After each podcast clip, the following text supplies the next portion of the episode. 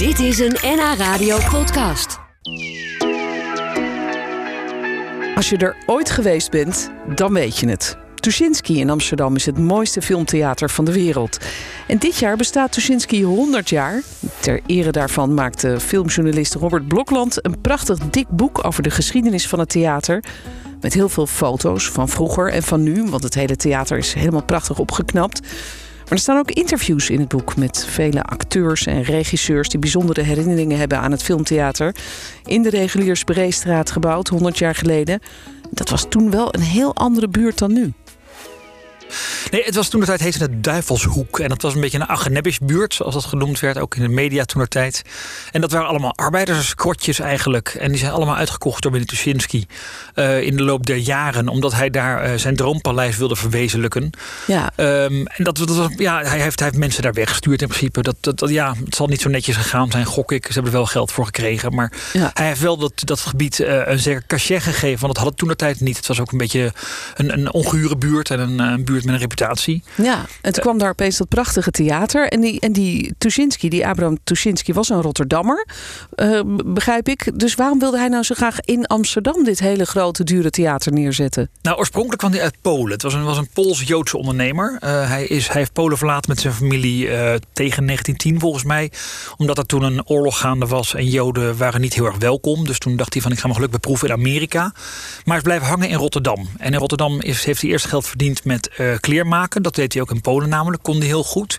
En toen via via kwam hij dus met medium film in, in, in, in, contact. En hij vond dat zo fantastisch dat hij in Rotterdam uh, vijf theaters heeft geopend, geloof ik in totaal. Eentje is weer gesloten, dus uiteindelijk waren vier theaters, bioscopen. En dat was in de tijd dat film dus nog onbekend was. Niemand kende dat medium en hij uh, bracht het naar het volk toe. En hij heeft eerst een aantal oude gebouwen gerenoveerd in Rotterdam. een kerk volgens mij en een oud casino. En daar heeft hij bioscopen van gemaakt.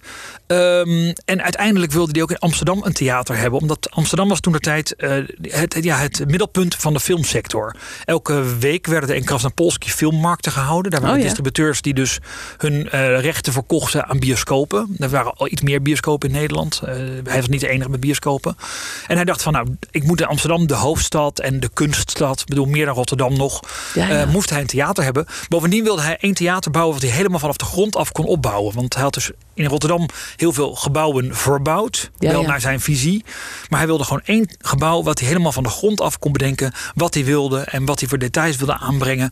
En dat heeft hij in Amsterdam heeft hij een plek gevonden. Nou, en wat een prachtig theater is dat geworden. Theater Tuschinski dus, daarover gaat jouw, uh, jouw mooie boek. Uh, we praten er zo nog even over verder, Robert. En intussen mag ik dus één exemplaar gaan verloten. Hartelijk dank daarvoor. Want, nou, graag gedaan. Ja, het is, het is wel echt een. Het wordt wat voor de postbode om dit mee te nemen. Dat was heel grappig. Toen we het boek presenteerden, dat was in oktober. Toen was alles nog open, was heel blij. En ik mocht eerst exemplaar aan Jeroen Krabbe geven. Dat was heel eervol. Dat vond ik fantastisch. En toen ik het gaf, zeg maar, toen, toen viel het bijna uit zijn handen. Zei, wat is het zwaar en wat is het groot en wat is het mooi. Hij kan het zo met zo'n ja. gedragen stem. Hij Theatraal. Was echt, ja, maar dat was ja. echt. Ik vond het wel, was wel ja. trots. Ik vond het wel, nou, hij meende ook wat hij zei, zeg maar. Hij heeft ook op tv het aantal keer geroepen hoe mooi hij het vond. Dat vond ik wel een heel mooi compliment. Zeker. Ik praat vandaag met filmjournalist Robert Blokland. Hij schreef een prachtig boek over 100 jaar Tuschinski. Een loodzwaar koffietafelboek, zo noem ik het dan maar. Omdat je het uh, zo mooi kan neerleggen op een grote koffietafel en er doorheen kan bladeren. Er staan heel veel mooie illustraties in. Maar ook heel veel interviews met mensen die een bijzondere band hebben met het filmtheater. Uh, wat betekent Tuschinski voor jou zelf, Robert, eigenlijk? Heb jij een mooie herinnering van toen je er de eerste keer kwam of als klein jongetje? God, waar moet ik beginnen? Uh, nee, ik, ik, was geen klein jongetje. Ik was 14 toen ik de eerste keer in kwam. Want ik kom uit Den Haag. Dus ik ging altijd in Den Haag naar de bioscoop. Naar, naar Odeon en naar uh, Metropol Tuschinski heette dat in Den Haag. En de eerste keer dat ik naar Tuschinski ging in Amsterdam was in april 89. Met mijn oom en tante Gerrit en Willemien uit Ouderkerk. Dat weet je dus nog heel precies. Dat weet ik nog exact. Ik weet ook nog precies welke film. Look Who's Talking met uh, Bruce Willis als een gillende baby. Dat vond ik toen de tijd leuk. Ik was in de paasvakantie, logeerde ik een paar dagen bij hun. En toen kwam ik dat theater binnen en ik keek echt alleen maar om me heen naar, naar, naar het theater. Ik denk, dit is heel anders dan het theater in Den Haag. Dit is, dit is waanzinnig. En ja, de film vond ik ook wel aardig. Maar ik weet het nog precies waar ik zat, zeg maar, welke rij bijna echt? ongeveer. Wauw. En, maar, en probeer nou eens te beschrijven voor mensen die er nog nooit zijn geweest. Want die zijn er ook, denk die zijn ik. Er, ja.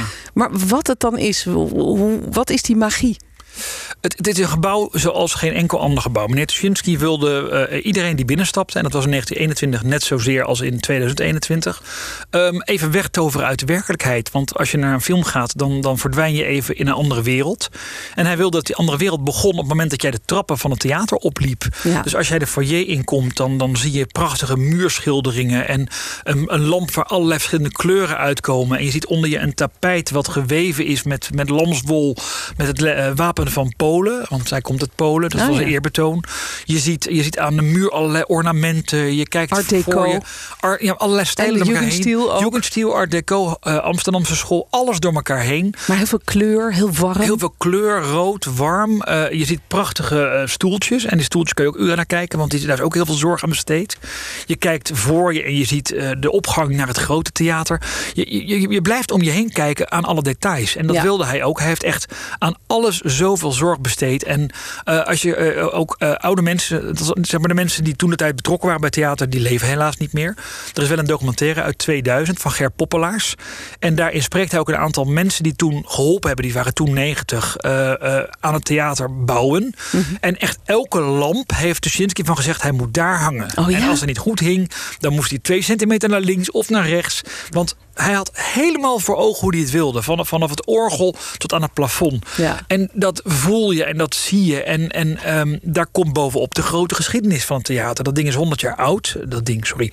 Het prachtige gebouw is 100 jaar oud. Um, en daar heeft zoveel plaatsgevonden. Daar hebben premières plaatsgevonden. Denk aan Soldaat van Oranje. Denk aan James Bond. Ja, de grote der aarde zijn daar geweest. List. Iedereen heeft daar, uh, nou ja, ook grote Hollywoodsterren. De Tom ja. Cruise en Tom, uh, Tom Hanks van deze wereld. Steven Spielberg. Steven Spielberg. Die, die, die is er geweest met Schindler's List. Dat schijnt een ja. van de meest... Ik, ik, was toen te jong om het bij te zijn. Maar dat was een van de meest indrukwekkende vertoningen. Want die film ging over de holocaust. Uh, Tuschinski is overleden in de holocaust. Afgevoerd naar Auschwitz. Dus, dus het was oh, een hele dubbele betekenis ja. dat die film daar vertoond werd. Ja, heftig. En, en dat, dat schijnt echt zo'n moment geweest te zijn. Er waren ook allerlei overlevenden van de holocaust. En familieleden van slachtoffers die in de zaal zaten.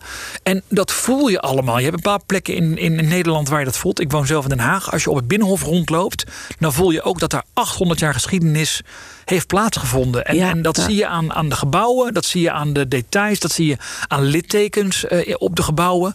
En dat heeft Tuschinski ook. En, en los daarvan is het een filmpaleis. Er wordt, er wordt, uh, het is opgericht om uh, het medium te vieren waar ik ook zo van hou, ja, namelijk ja. film.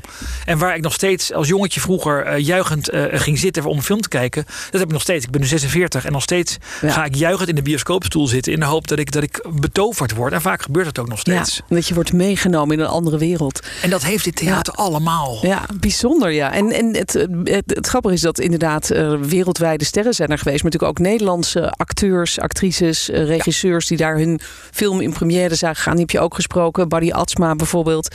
Die vertelt dat de Rode Loper daar bij Tuschinski levensgevaarlijk is. Hoe komt dat? Nou ja, het is een hele rare plek. Kijk, als je zo'n groot theater bouwt... dan zou je het eigenlijk gewoon op een groot plein moeten bouwen. Dat mensen aankomen lopen en het al zien.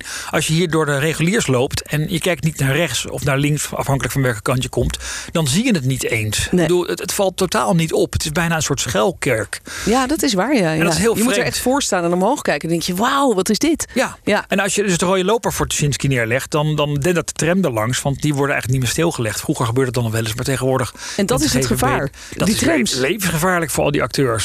tegenwoordig hebben ze wel een soort, een soort bakje, zeg maar, waar dan de rode loper ingezet wordt. Ja. Maar dat zijn wel leuke verhalen. En Barry Atsma is ook iemand die, die heeft heel mooi verteld. Uh, hij had de eerste première in 2005. Dat was Lepel. En uh, hij heeft natuurlijk meer premières gehad.